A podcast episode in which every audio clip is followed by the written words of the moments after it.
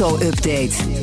Ja, en dan zit Nout Broekhoff van de Nationale Autoshow hier in de studio. Nout, goedemorgen. Goedemorgen, jongens. Laten we beginnen met het kabinet. Meerdere onderzoeken naar betalen naar gebruik en rekening rijden. Meerdere onderzoeken hebben ze nu vrijgegeven. Ja. Wat, wat klinkt daaruit op? Ja, heel interessant. Ehm, onder andere over de registratie van de kilometers. Want dat is de grote vraag. Hè. Hoe gaan we dat dan registreren als Ja. dat er gaat komen in 2030?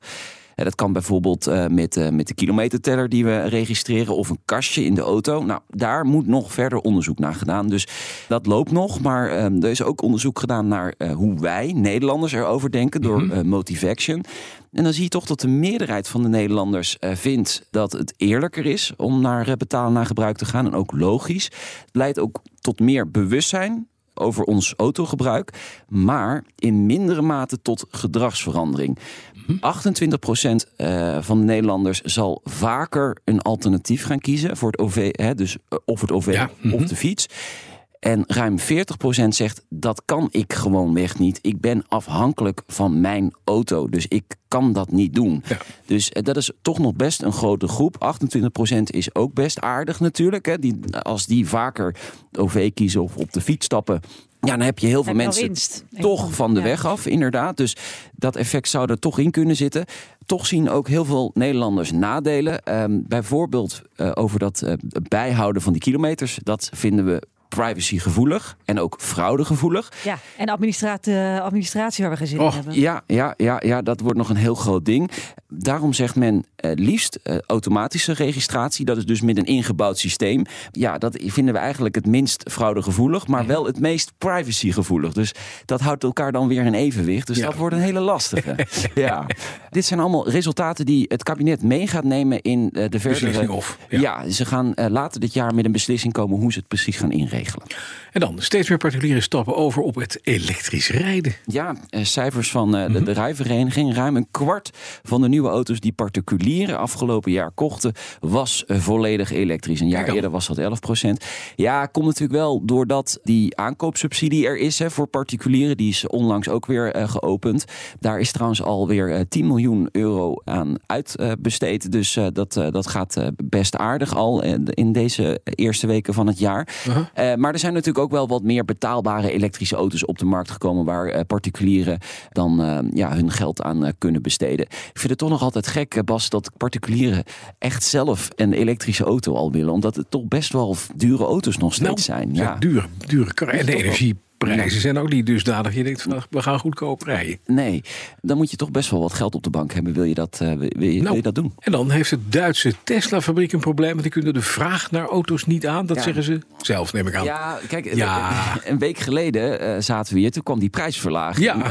Eh, modellen werden plots eh, duizenden euro's eh, goedkoper. En dat heeft dus effect. Eh, de fabriek eh, in de buurt van eh, Berlijn die draait eh, nu eh, overuren en kan eigenlijk die vraag niet aan, eh, schrijft Automotive News Europe. Ehm, dat zorgt voor eh, langere levertijden. Eh, de productie moet dus verder omhoog. De fabriek neemt nu honderden mensen aan om eh, ja, dat mogelijk te maken. En eh, ja, zo zie je maar dat het plannetje van Tesla om eh, de, de verkoop weer een beetje aan te jagen lijkt geslaagd. Mensen willen weer een, een Tesla omdat die beter geprijsd is ten Ja. opzichte van de rest van de we weten concurrentie. alle, alle protesten van mensen die net zo'n ding besteld en betaald hadden. Die krijgen, worden eerst geconfronteerd met een, met Ja. een prijsverhoging. Ja, het is toch... Maar, Oké, maar Ja. prima. Goed dat ze... Ja, je weet, je Ja. weet het bij Tesla. Ze doen het. Ze, Ja. doen, ze hebben het in China gedaan, ze hebben het in Amerika gedaan en ze hebben het ook in Europa. Ze doen het nu ook. Ja. Dan heeft Audi een belangrijke rechtszaak gewonnen. Ja, ten koste van, eh, van NIO, het Chinese automerk, Oké. eh, dat ook actief is in Nederland. Ja, er is een geschil over de modelnamen. NIO heeft namelijk eh, de ES8 en de ES6. En Audi vindt dat niet leuk. Eh, want mensen kunnen eh, denken dat het, het, het S8 en de, S. de, de S6 elektrische ja, versie precies, is van. ja. Dat begrijp Ja. ik wel. Dat is verwarrend, verwarrend, ja. Ja, de rechter gaat daarin mee. Die extra letter E die ervoor is gezet, is niet onderscheidend genoeg. Want het Maar- zou inderdaad eh, ertoe kunnen leiden dat mensen dat het elektrisch is. Ja. En ehm, is de kous hiermee af? Nee, want NIO kan nu wel nog in hoger beroep gaan tegen deze uitspraak. Dus dit, en dit loopt al 15 maanden. Dit, dit kan nog wel even door eh, gaan sudderen de komende tijd. Ja.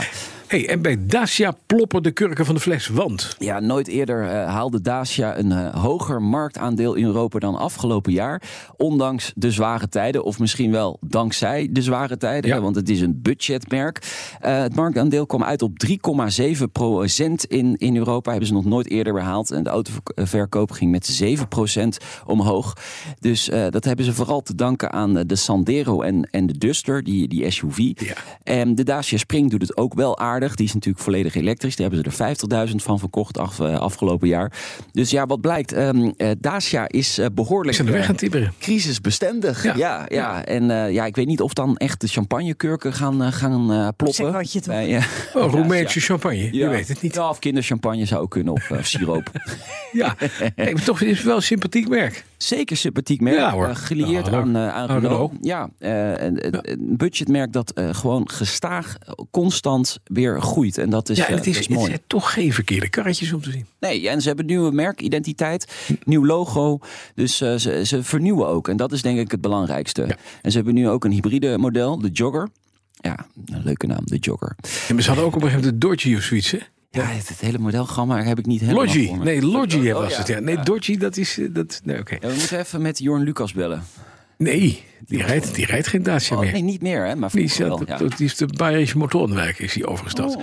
Wat doen we vanmiddag in de Nationale we Autoshow? het autosalon geweest. Het de Brussel. ja, het is onzijdig, dus moet het autosalon zeggen. Ja, leuke beurs. Uh, veel automerken uh, pakken eruit. Veel Europese primeurs. Niet echt wereldprimeurs, maar dat maakt ook niet heel erg uit. Wat mooi is, is dat die beurs kan gewoon voortbestaan. Omdat er ook auto's verkocht worden. worden. Mogen. Ja. Ja. Volgens mij een derde van de Belgische uh, autoverkoop wordt behaald op het salon. Ja. Kijk, dan heb je ook echt uh, recht uh, van bestaan. Ja. En um, er staan ook best wel wat leuke auto's. Bijvoorbeeld de Ford Bronco, iconisch ja. model in Amerika, komt naar Europa. Is nieuw, ja gaan we het over hebben in, in de uitzending. En uh, Mazda die brengt de rotatiemotor, de wankelmotor. Nee, terug. Ja, maar wel in een plug-in hybride. Hey. Uh, best wel technologisch uh, hoogstandje. hoogstandje ja. ja. Ja, gaan we het ook vanmiddag over hebben in de uitzending. Mooi. Alle primeurs vandaar. En de, de auto van het jaar is ook nog verkozen in, in Brussel. Totaal gemist. Ja, is dat ja het was een Jeep Avenger. Avenger. Avenger. Avenger. Ja. Meestal zijn het auto's, als, als ze zo'n zo'n stempel krijgen, dan worden het grote flops. Ja, dat, dus dat de afgelopen jaren is dat echt, echt gebeurd. Als je, je moet nooit willen dat je Europees auto van het jaar wordt, want dan gaat het helemaal niet goed met je ja. model. Het, het, is gewoon een verbouwde Peugeot en Opel. Dus uh, het is gewoon een verbouwde mokka. Nou, bij deze. Ja. Afgeserveerd. Dankjewel. Nou, Broekhoff. Vanmiddag om drie uur hoor de aflevering van de Autoshow terug te luisteren via je favoriete podcast app. En je kunt ook luisteren naar Petrolheads. Dat is voor de mensen die echt van benzine houden. Iedere woensdag om vijf voor vier als podcast. De auto-update wordt mede mogelijk gemaakt door Leaseplan. Leaseplan. What's next? Ons woon-werkverkeer is de afgelopen jaren behoorlijk onvoorspelbaar geworden. Veel werkgevers vinden dan ook dat hun mobiliteitsbeleid niet meer past bij de huidige tijd.